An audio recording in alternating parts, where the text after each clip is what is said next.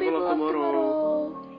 Kembali lagi bersama aku, Wilma, sebagai Ambassador Public Health for District 4 AMSA Indonesia 2019-2020 yang akan menjadi moderator pada webinar kali ini. Dan aku, Sofan Amadeus, sebagai AMSA Licara Person for District 4 AMSA Indonesia 2019-2020 yang akan menjadi pengatur teknis pada webinar kali ini. Nah, sekarang kita akan melanjutkan podcast Embrace Early Movements Prevent Breast Cancer. Benar, Judul podcast kali ini adalah What to Know About Breast Cancer yang akan dibawakan oleh Ibu Yanti dari organisasi Love Pink.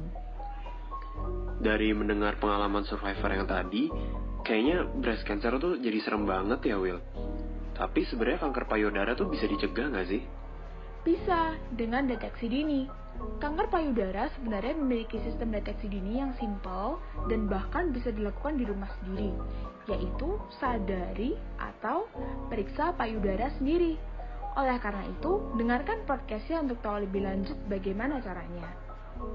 Wah, kalau gitu, ayo teman-teman kita dengerin bareng-bareng. Sekarang kita akan melanjutkan sesi kita ke sesi What to Know About Breast Cancer yang akan dibawakan oleh Bu Yanti dari Love Pink. Untuk Bu Yanti, dipersilahkan Bu. Iya, baik terima kasih. Kita mulai aja ya langsung. Lahping adalah sebuah organisasi yang memberi perhatian pada isu dan kegiatan kampanye kanker payudara. Jadi kami memang mempunyai visi dan misi. Yang pertama adalah kami mengkampanyekan untuk deteksi dini kanker payudara dan yang kemudian yang kedua adalah melakukan pendampingan kepada teman-teman yang sedang terdiagnosa kanker payudara. Sedangkan Loping sendiri adalah sebuah organisasi atau komunitas, komunitas sosial yang anggotanya semuanya adalah orang-orang yang terkena orang maaf maksud saya orang-orang dengan pengalaman kanker payudara. Jadi kami semua adalah eh, orang-orang uh, dengan uh, yang orang-orang yang terdeteksi dengan kanker payudara. Jadi komunitas kami tidak ada yang namanya relawan. Nah, kita mulai dari sini fakta yang terjadi sekarang adalah satu dari delapan perempuan berisiko terdiagnosa kanker payudara. Fakta berikutnya, kanker adalah pembunuh wanita peringkat nomor satu di Indonesia. Fakta berikutnya adalah pasien perempuan yang ada di rumah sakit adalah yang terbanyak itu pasien memang kanker payudara. Jadi uh, memang uh, beberapa orang wanita yang kita temui di uh, rumah sakit yang sedang berobat kebanyakan dengan kan, uh, dengan kanker adalah wanita. Berikutnya adalah satu dari seribu laki-laki berisiko terdiagnosa kanker payudara. Jadi uh, dulu saya tidak tahu laki-laki itu bisa terkena kanker payudara. Tapi setelah mendengar dan uh, ini sendiri ya mengetahui sendiri ternyata memang benar ada seorang laki-laki yang memang terkena kanker payudara. Dulu kan taunya kalau laki-laki itu tidak punya payudara ya. Ternyata laki-laki walaupun payudara tidak besar tetapi dia memiliki kelenjar payudara. Nah, fakta harapannya apa? Di fakta harapannya apabila seorang yang sedang terdiagnosa kanker payudara pada stadium lanjut itu hanya 27 persen mereka akan eh, mendapatkan kehidupannya dengan sehat. Namun apabila terdiagnosa secara dini, maka kemungkinan 98% dia akan uh, mengalami kesembuhan dan sehat kembali. Teman-teman tahu kan Angelina Jolie? Sebagian besar juga sudah tahu ya tentang cerita tentang Angelina Jolie uh, bahwa Angelina Jolie ini melakukan mastektomi di dua payudaranya.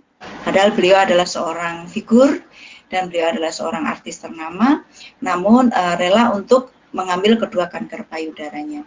Karena setelah melakukan tes BRCA1, uh, tes untuk uh, apa namanya kemungkinan kanker kanker payudara memang terdapat uh, di atas 80 eh, persen, sekitar 87 persen, beliaunya kalau diteruskan dengan mempunyai payudara itu maka bisa terdiagnosa kanker payudara.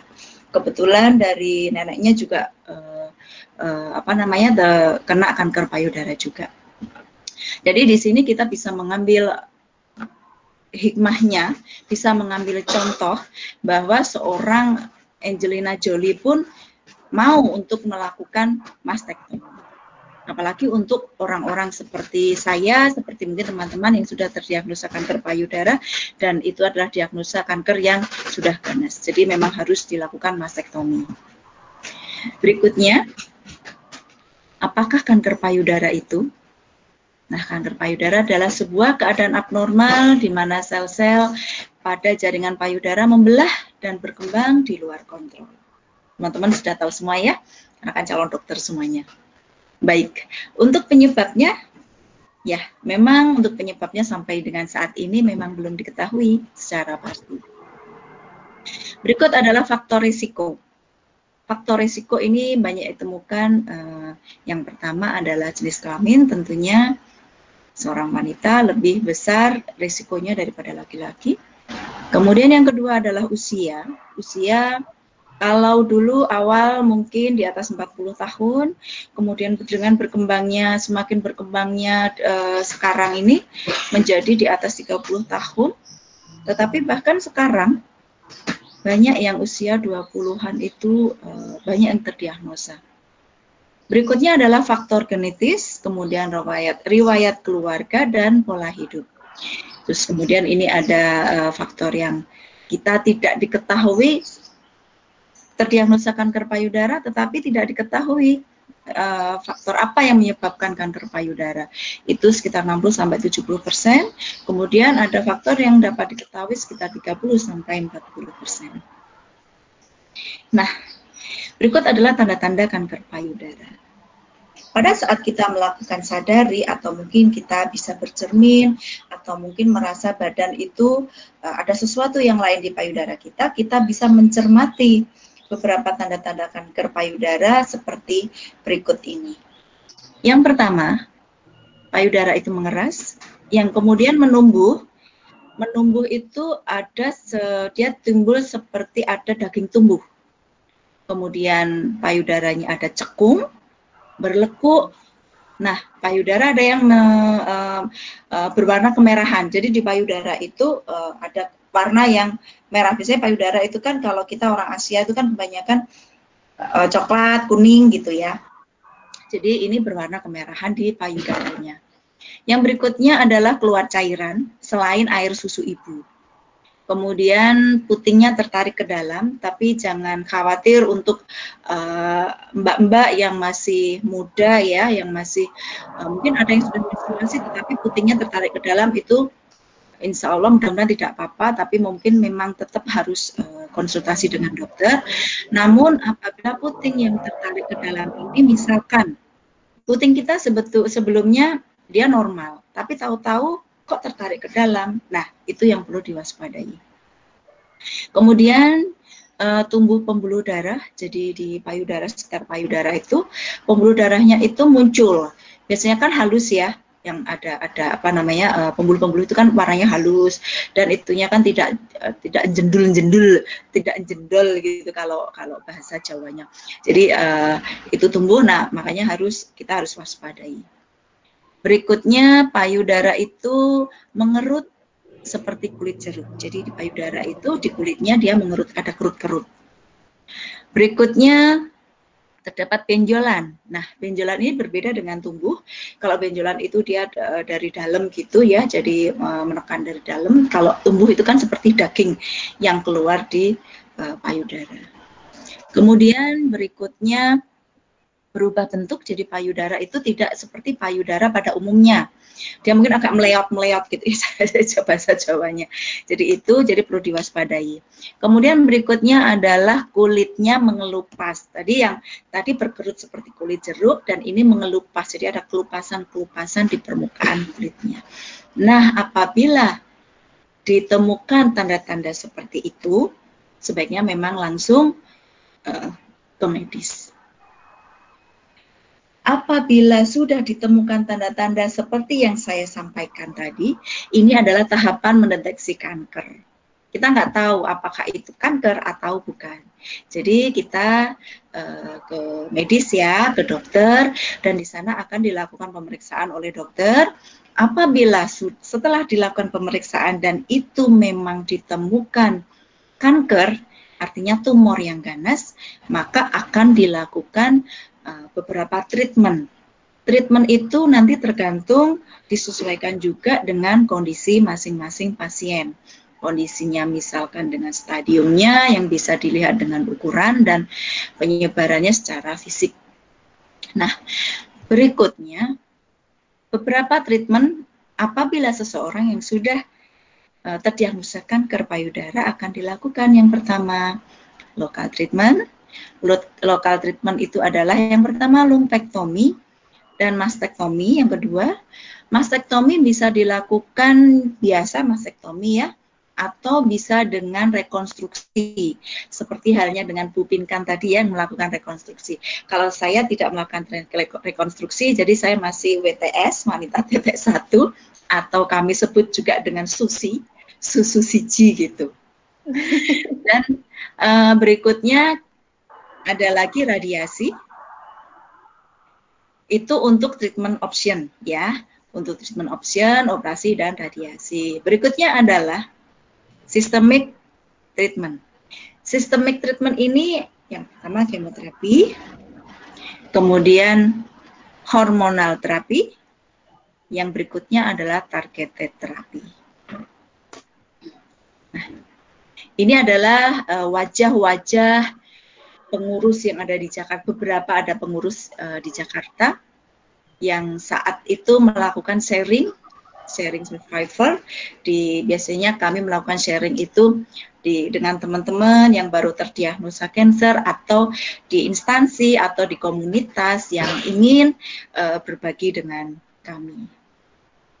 Nah, ini the best protection is early detection. Ya, memang deteksi dini yang terbaik untuk uh, melindungi diri kita. Jadi deteksi dini memang harus kita lakukan uh, untuk menjaga kesehatan payudara kita. Berikutnya, bagaimana cara pemeriksaan payudara? Pemeriksaan payudara sendiri yang pertama, atau kita sebut sadari. Ini bisa dilakukan uh, sesuai keinginan kita, artinya kita bisa lakukan di rumah, bisa dilakukan sendiri, dan nanti uh, kita bisa atur waktunya. Kemudian yang berikutnya adalah pemeriksaan mamografi. Yang ini adalah sadanis ya, pemeriksaan secara klinis. Mamografi dan USG payudara. Mungkin ini adik-adik, adik-adik atau teman-teman ya, belum pernah ada yang melakukan mamografi ya, karena memang e, untuk usia yang masih remaja memang tidak diperkenankan untuk melakukan mamografi untuk teman-teman yang sehat.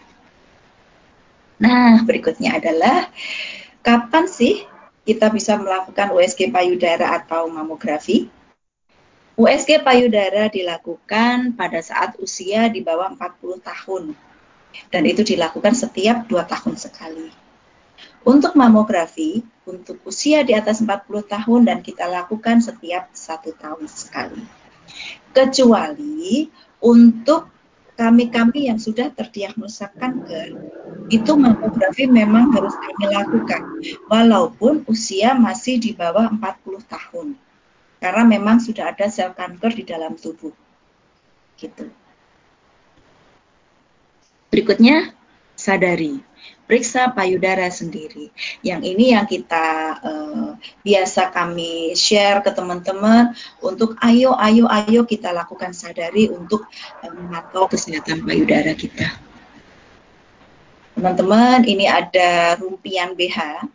Di sini nanti ada mama BH dan dua anaknya yang uh, bercerita tentang bagaimana seseorang terdiagnosa kanker payudara jadi bagaimana rasanya? Mungkin tadi kan sudah kita dengarkan juga de, dengan Bu Pingkan ya, tapi uh, kita mungkin bisa dengarkan lagi untuk rumpian PH ini uh, uh, sekitar nggak sampai dengan 10 menit, hanya 5 menit saja.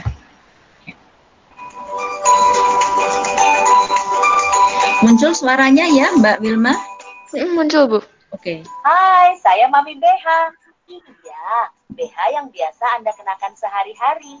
Saya dan teman-teman mau berbagi cerita seputar kanker payudara. Kanker payudara tidak menakutkan kok bila dikenali. Yuk lakukan pemeriksaan rutin dan obati secara medis bila terdiagnosa.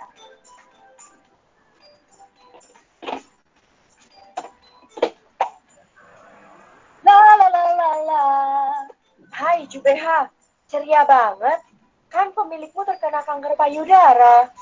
Iya Isabeha, pemilikku memang terdiagnosa kanker payudara.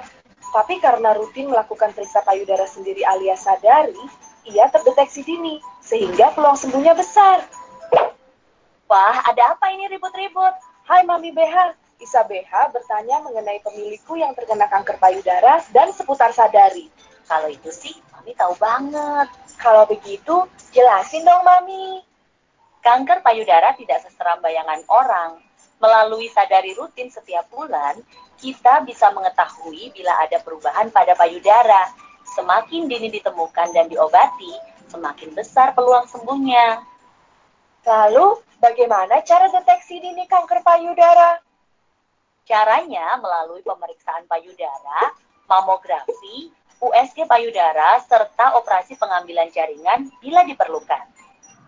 Bagaimana sih cara melakukan sadari? Sadari sebaiknya dilakukan antara hari ke-7 menstruasi hingga hari ke-10 di saat jaringan payudara tidak terlalu sensitif.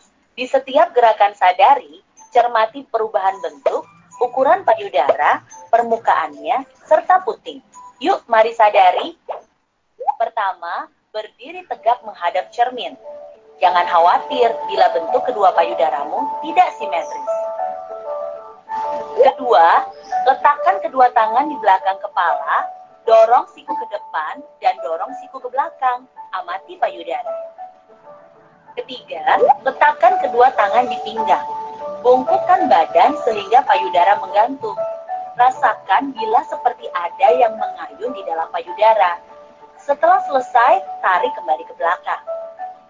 Pegang bagian atas punggung dengan tangan kiri Gunakan ujung jari telunjuk, jari tengah, dan jari manis tangan kanan, cermati area payudara kiri sampai ke tiang.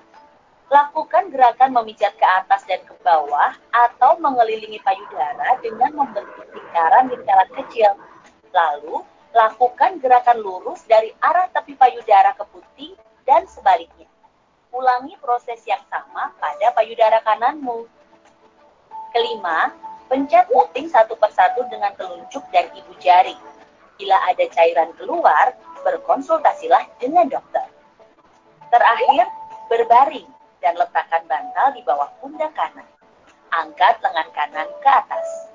Cermati kondisi payudara kanan menggunakan ujung jari telunjuk, jari tengah, dan jari manis tangan kiri. Tekan dan rasakan seluruh bagian payudara hingga ke sekitaran ketiak.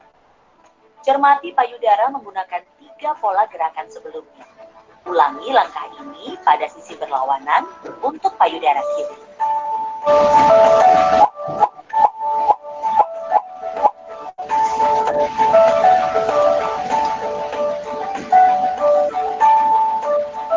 Meskipun 8 dari 10 benjolan pada payudara bersifat jinak, namun jika menemukan benjolan atau perubahan payudara, segera periksakan ke dokter. Terus apa aja sih penyebab kanker payudara? Penyebabnya belum diketahui. Dimulai dari sel-sel payudara yang membelah diri lebih cepat, tanpa terkendali, dan bisa menyebar ke organ tubuh lain.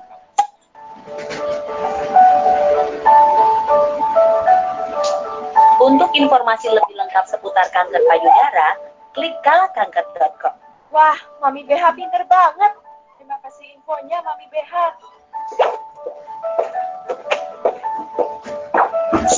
Jangan lupa lakukan sadari secara rutin ya.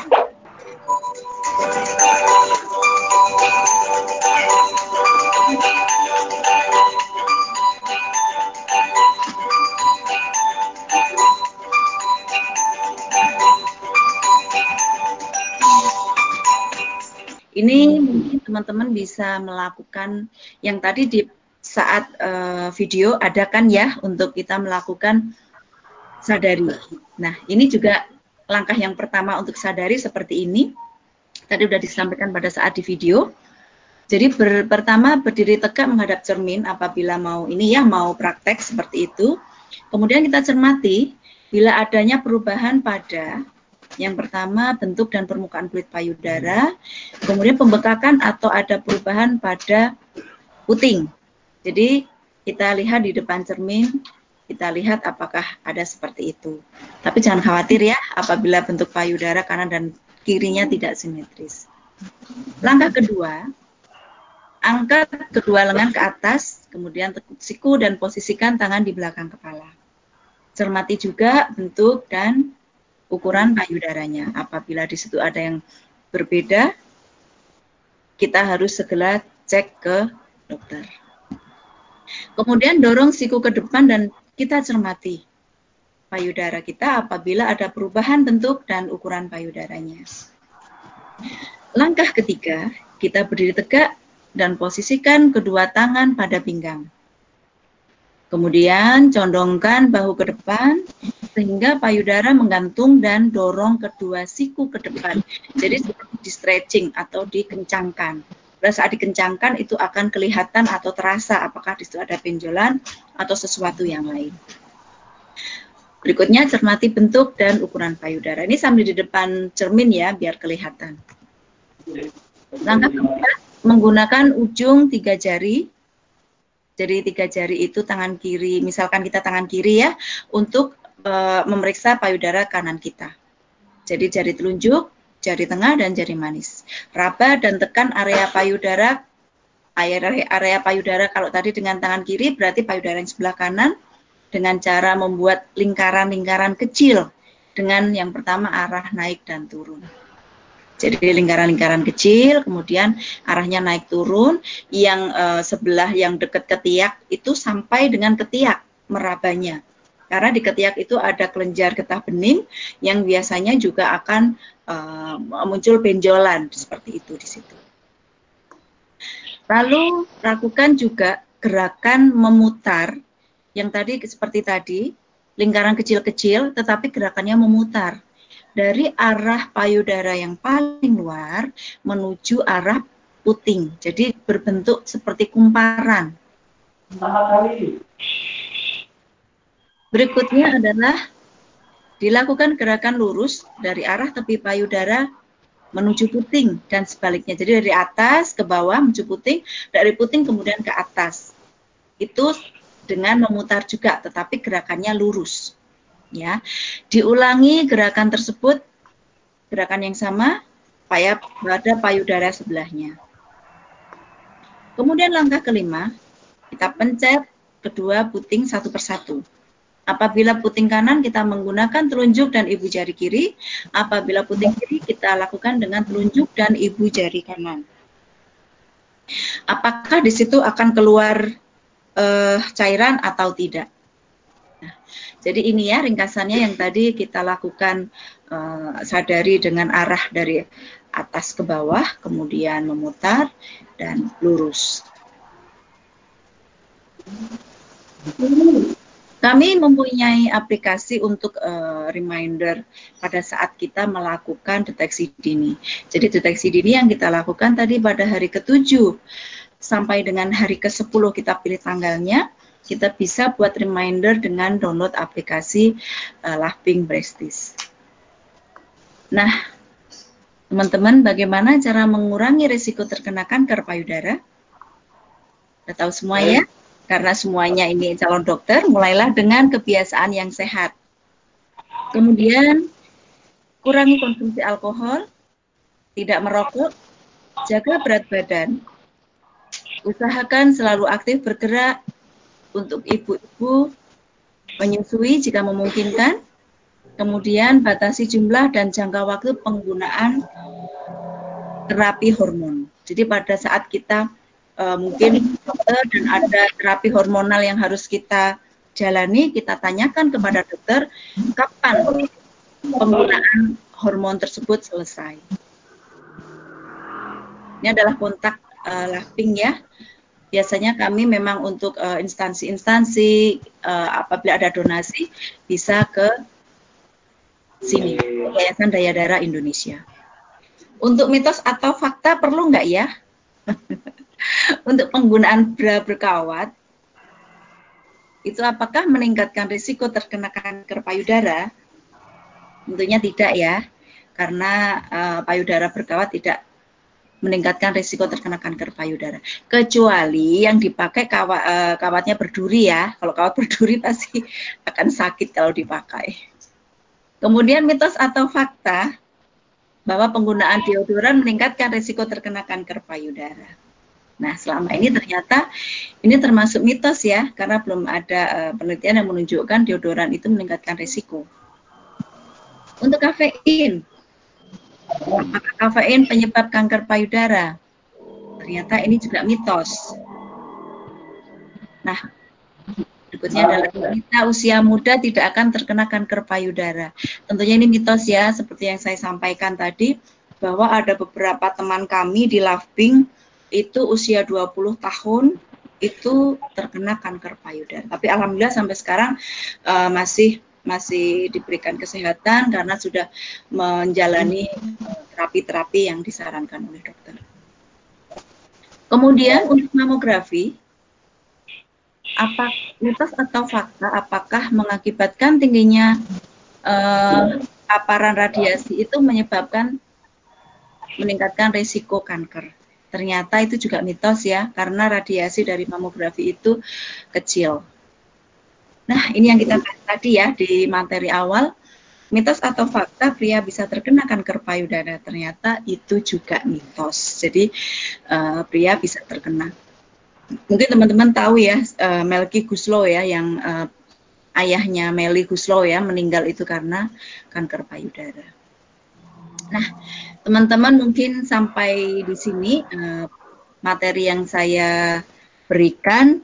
Mungkin nanti ada ada pertanyaan Mbak Wilma nanti yang akan uh, akan memberikan ini ya sebagai moderator. Waktu saya kembalikan ke Mbak Wilma. Terima kasih Mbak Wilma. Oh iya baik, terima kasih untuk Bu Yanti atas sharingnya. Sangat itu ya sangat informatif sekali tadi untuk ya. video sama PowerPoint-nya. Nah, sekarang kita masuk ke sesi tanya jawab. Jadi untuk teman-teman di sini yang mau menanyakan pertanyaan bisa menuliskan di uh, chat. Oh ya, baik. Ini sudah ada yang bertanya, Bu. Bisa dimulai dari Regina dari UGM terlebih dahulu. Untuk Regina dipersilahkan. Selamat pagi, Bu. Saya Regina, terima kasih atas pemaparannya tadi. Uh, saya ingin bertanya tentang dua hal. Yang pertama, mulai dari kapan seseorang itu harus melakukan sadari? Lalu pertanyaan kedua, um, setelah di diagnosis oleh dokter bahwa mengidap kanker, itu um, diberikan pilihan untuk melakukan treatment kemoterapi atau mastektomi itu uh, maksudnya untuk mastektomi itu langsung diberikan pilihan atau disuruh untuk uh, kemoterapi dulu baru uh, mastektomi seperti itu Bu. Terima kasih. Baik. Ya, baik Mbak. Langsung saya jawab aja ya Mbak Wilma. Nah, iya. kita melakukan sadari itu sebaiknya setelah kita mendapatkan menstruasi pertama. Jadi setelah menstruasi pertama sebaiknya kita lakukan untuk sadari ya. Jadi di situ kan kita bisa lihat kapan uh, apa namanya siklus menstruasi seperti itu. Kemudian yang kedua, uh, setelah didiagnosa oleh dokter, biasanya memang pada saat didiagnosa itu kan kadang-kadang kita tanya ya, dok ini saya stadium berapa kan gitu. Nah dokter biasanya uh, selain mereka memeriksa secara fisik karena dokter-dokter yang sudah berpengalaman langsung tahu, oh ibu stadium 3 misalkan seperti saya dulu di awal, saya memang terdiagnosa hmm. pada stadium 3B karena itu sudah e, metas ada metastase ke aksila saya dan ukurannya juga waktu itu besar jadi di atas 3 cm.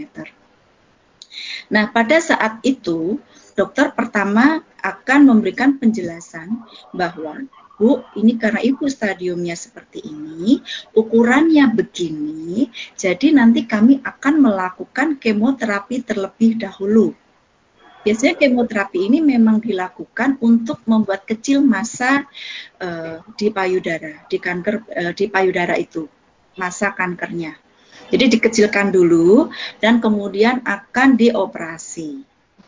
Namun apabila ukurannya kecil, biasanya dokter langsung memberikan uh, treatment, Mbak, Bu, ini akan kami operasi terlebih dahulu karena ukurannya kecil seperti itu. Namun di situ dokter juga akan menjelaskan bahwa yang pertama, Ibu ini harus kami lakukan seperti ini. Kapan Ibu siap? Gitu. Nah, kita akan diberikan uh, waktu untuk berpikir untuk kita melakukan operasi atau kemoterapi. Jadi intinya yang me, yang memberikan pilihan untuk itu apakah kemoterapi dulu atau operasi dulu, mastektomi atau lumpektomi itu adalah dokter. Jadi kita pilihannya hanya mau atau tidak. Itu Mbak. Ya. Gimana sudah ini untuk jawaban saya? Sudah mungkin sudah oke? Okay? Iya sudah Bu. Kalau boleh saya mau melanjutkan pertanyaan satu okay. yang tentang pemeriksaan. Itu um, yang melakukan sadari itu hanya perempuan atau laki-laki juga perlu ya? Ya, kalau memang yang mudah itu memang perempuan, Mbak. Memang di sini laki-laki itu susah untuk melakukan uh, deteksi dini. Biasanya laki-laki itu apabila sudah terdiagnosa, dia akan uh, misalnya stadiumnya itu sudah uh, sudah agak lanjut karena memang dia istilahnya hormonalnya kan dia tidak seperti wanita. Kemudian uh, karena jaringannya juga jaringan payudaranya itu tidak seperti wanita juga, jadi memang agak-agak susah. Namun ada baiknya laki-laki pun mungkin bisa meraba-raba antara payudara dan ketiak gitu. Ya. Ya, gitu. terima kasih banyak Bu. Sama-sama. Baik, terima kasih buat Pak Regina untuk pertanyaannya. Sekarang lanjut ke berikutnya yaitu Elia Diana dari UNS bisa bisa segera mengajukan pertanyaan. Iya, oke. Okay. Um, izin untuk mengajukan pertanyaan ya.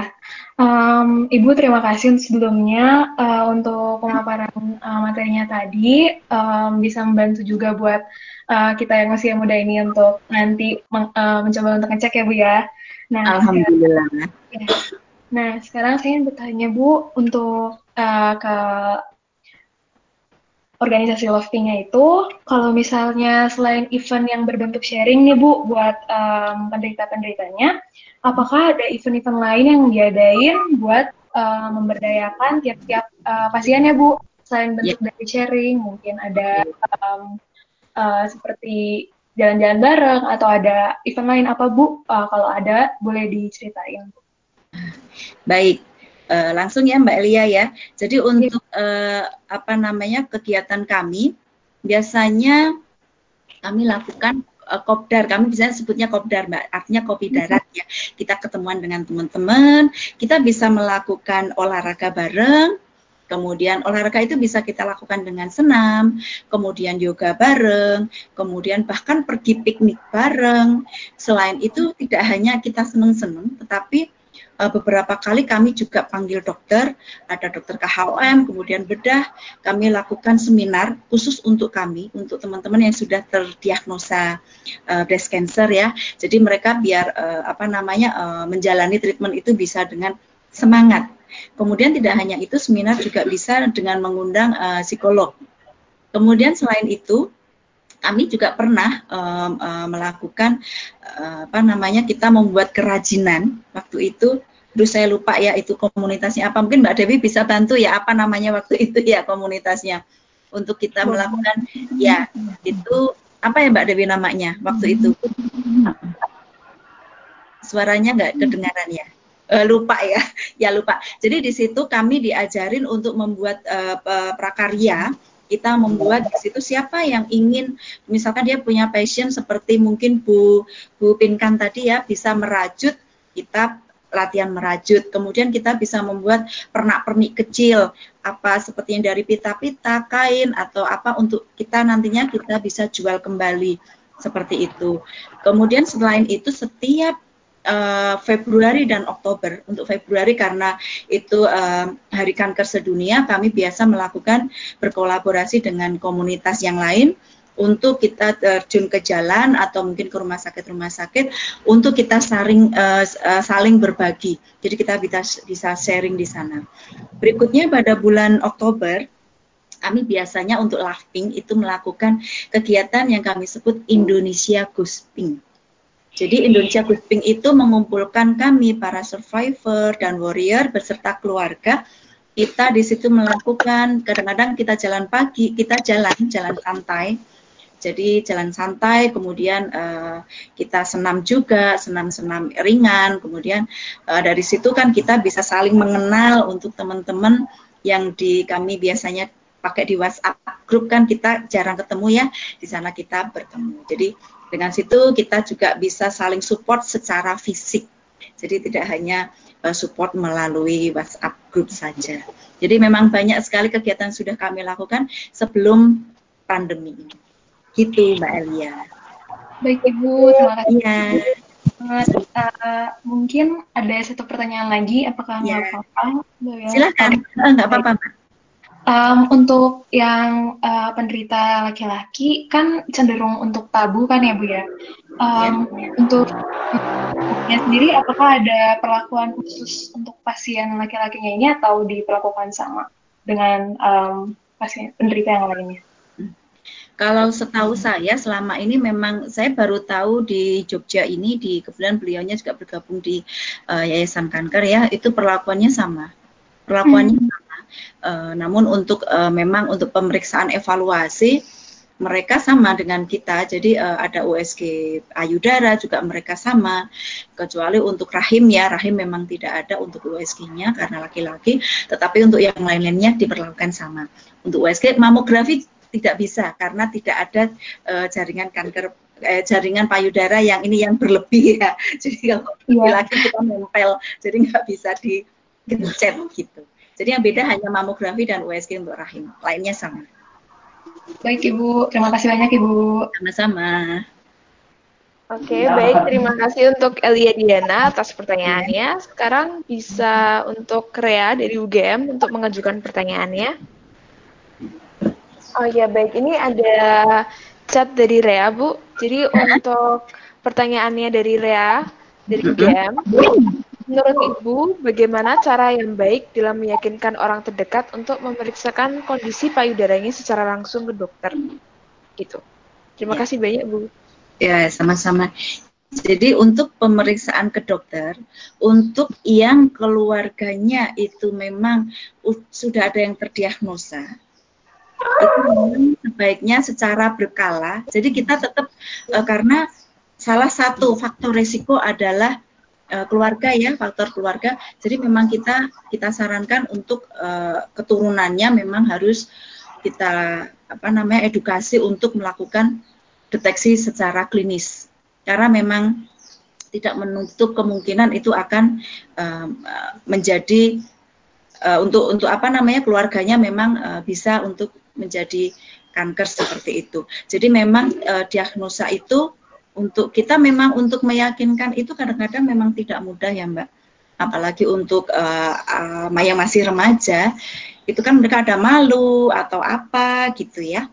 Tapi memang kita harus melakukan pendekatan dengan pelan, mungkin kita juga bisa dengan cerita tapi yang tidak menakutkan. Cerita yang bisa membuat mereka memang, oh iya aku harus periksa nih ke dokter seperti itu namun itu juga kami tidak bisa memaksa karena kondisi kami memang tidak seperti orang-orang sehat kebanyakan.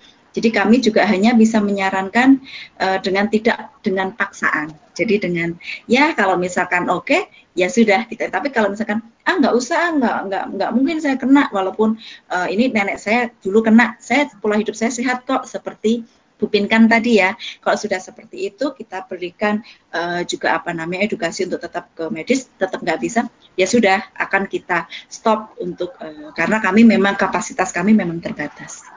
Itu Mbak Rea gimana jawabannya sudah udah ini enggak sudah uh, merasa cukup? Bagaimana Rea apakah sudah menjawab? Oke okay, baik. Uh, sekarang sudah terjawab Bu. Jadi sekarang saya akan pindah ke pertanyaan yang pertanyaan berikutnya yaitu Baik. Gilang Ignas dari UGM. Untuk Gilang bisa segera memberikan pertanyaannya, bisa dinyalakan audionya. Oke, mungkin oh ya, ini pertanyaan dari Gilang. Bagaimana perubahan kehidupan teman-teman yang terdiagnosa kanker payudara? Pekerjaannya dan lain-lain Ah, begitu. ya. Baik. Jadi untuk eh, kehidupan setelah terdiagnosa memang bermacam-macam. Jadi seperti contohnya ya, seperti saya. Saya pada saat terdiagnosa tahun 2012 eh, dan harus menjalani kemoterapi, operasi dan yang lain-lain. Akhirnya oleh perusahaan saya, saya dulu kerja di bank pemerintah ya. Setelah saya bekerja 21 tahun lebih waktu itu eh, dari perusahaan menyarankan saya untuk ambil detek, apa namanya eh, pensiun dini. Jadi di situ saya berpikir kok begini ya kita kan sakit kenapa saya harus uh, disuruh pensiun kan gitu. Memang pekerjaan saya waktu itu uh, menyita waktu dan tenaga ya karena memang saya kerja di cabang dan itu pressure-nya memang tinggi sekali gitu. Namun untuk uh, keluarga ya itu salah satu yang membuat saya stres tinggi. Saya harus uh, meninggalkan pekerjaan saya waktu itu saya masih belum bisa ikhlas akhirnya itu membuat uh, benjolan tumbuh lagi di di payudara saya dan itu jaraknya nggak lama nggak sampai dua minggu benjolan itu muncul. Sampai dokter yang merawat saya heran loh mbak kemarin waktu kontrol uh, seminggu yang dua minggu yang lalu kan belum ada gitu. Setelah dua minggu berikutnya karena saya kontrol mingguan muncul karena itu tadi stres tadi. Itu yang pertama. Tetapi ada juga teman-teman yang istilahnya mungkin uh, kerja di pegawai negeri gitu ya, yang uh, istilahnya atasannya masih bisa menerima, walaupun mungkin sering-sering nggak uh, masuk gitu ya. Oke, okay, masih bisa bekerja gitu. Tetapi untuk teman-teman uh, yang uh, kerja di perusahaan-perusahaan swasta, apabila memang uh, beliaunya itu melakukan treatment yang agak panjang, biasanya mereka terus keluar dari pekerjaannya. Akhirnya membuat usaha-usaha sendiri seperti contohnya mungkin Mbak Dewi, teman saya Mbak Dewi Andi ini, itu sekarang uh, membuat makanan jadi cistik cistiknya cistik sehat. Jadi memang tidak menggunakan bahan-bahan yang uh, berbahaya ya. Jadi membuat seperti itu. Ada yang teman-teman sekarang online gitu ya, seperti itu. Jadi untuk namun ada juga yang misalkan keluarganya tidak support. Keluarga tidak support, bahkan mohon maaf sang suami langsung me menceraikan istrinya setelah mengetahui kena kanker seperti itu. Makanya untuk teman-teman yang seperti itu biasanya kami uh, uh, saling saling apa uh, support ya. Support tetapi kami memang bukan support secara material. Kami support memang uh, kita bisa sharing bisa inilah paling enggak untuk mengeluarkan unek-unek ada temannya. Jadi istilahnya dia lebih lega ya. Jadi memang macam-macam ya Mas Gilang. Jadi ada yang dia bisa diterima di keluarganya bahkan disupport seperti saya dan mungkin Mbak Dewi. Support tidak hanya dari keluarga dari suami anak-anak keluarga besar bahkan tetangga sahabat mensupport tapi banyak juga yang tidak seperti itu. Gitu. Gimana Mas Gila? Sudah cukup menjawab? Bagaimana Gila? Apakah sudah menjawab? Oke, baik sudah terjawab. Jadi sekarang saya akan melanjutkan ke pertanyaan terakhir yaitu dari Felix Ignatius dari UGM. Untuk Felix dipersilahkan mengajukan pertanyaan. Uh, baik, terima kasih kesempatannya Bu, Uh, saya ingin bertanya ke pendapat Ibu sekaligus pendapat dari Ibu Pinkan. Nah, jadi akhir-akhir ini terdapat gerakan sosial yang mengusahakan normalisasi kata-kata tabu, misalnya vagina dan vulva. Itu tujuannya dengan uh, dengan tujuan untuk meningkatkan body positivity. Oh, nah, maaf, ini, apa Felix tadi terpotong di bagian awal. Oh, oke. Okay. Uh, aku ulang ya? Ya. Yeah. Oke. Okay. Uh, jadi saya ingin bertanya pendapat Ibu sekaligus uh, pendapat dari Ibu Pinkan. Jadi akhir-akhir ini terdapat gerakan sosial yang mengusahakan normalisasi kata-kata tabu, misalnya vagina dan juga vulva. Nah, uh, gerakan ini dilakukan dengan tujuan untuk meningkatkan body positivity dan juga kesadaran kesehatan wanita. Menurut Ibu dan uh, Ibu Pinkan, apakah hal yang sama perlu dilakukan untuk meningkatkan kesadaran uh, misalnya meningkatkan kesadaran untuk melakukan sadari seperti yang tadi dijelaskan uh, dengan misalnya menormalisasikan pembahasan atau diskusi mengenai payudara dan kesehatan payudara atau adakah cara lain yang harus dilakukan untuk mencapai tujuan tersebut? Terima kasih. Baik, mungkin uh, dari saya dulu ya, Mas Felix. Jadi memang untuk uh, kita memberi kesadaran untuk teman-teman untuk masyarakat Indonesia terutama di pedesaan gitu ya untuk melakukan sadari memang tidak mudah. Maka dari itu, kami dari LAVPIN itu giat untuk melakukan kampanye deteksi dini. Seperti halnya itu tadi kami melakukan uh, sosialisasi ya, tidak hanya di instansi-instansi pemerintah, kemudian ke sekolah-sekolah, ke SMA, bahkan kami sudah melakukan ke SMA-SMA di Jogja juga ada beberapa, kemudian ke kelurahan seperti itu, ke kecamatan dan uh, banyak di komunitas ya. Jadi kami selama ini di Laping karena keterbatasan kami sebagai penyintas kanker payudara. Jadi itu sementara yang dapat kami lakukan. Jadi uh, untuk uh, memberi kesadaran untuk melakukan deteksi dini. Dari mereka kemudian ya kita minta tolong untuk ditularkan yang tidak ikut pada sesi sosialisasi, kemudian menularkan mungkin ke teman-temannya, ke saudara, ke keluarganya. Tapi untuk membuat kata-kata yang misal seperti tadi ya Mas uh, Mas Felix sampaikan kami belum sampai ke sana. Gitu. Gimana Mas? Uh, Gimana Felix? Apakah sudah menjawab? Uh, sudah. Mungkin dari Ibu Pinkan.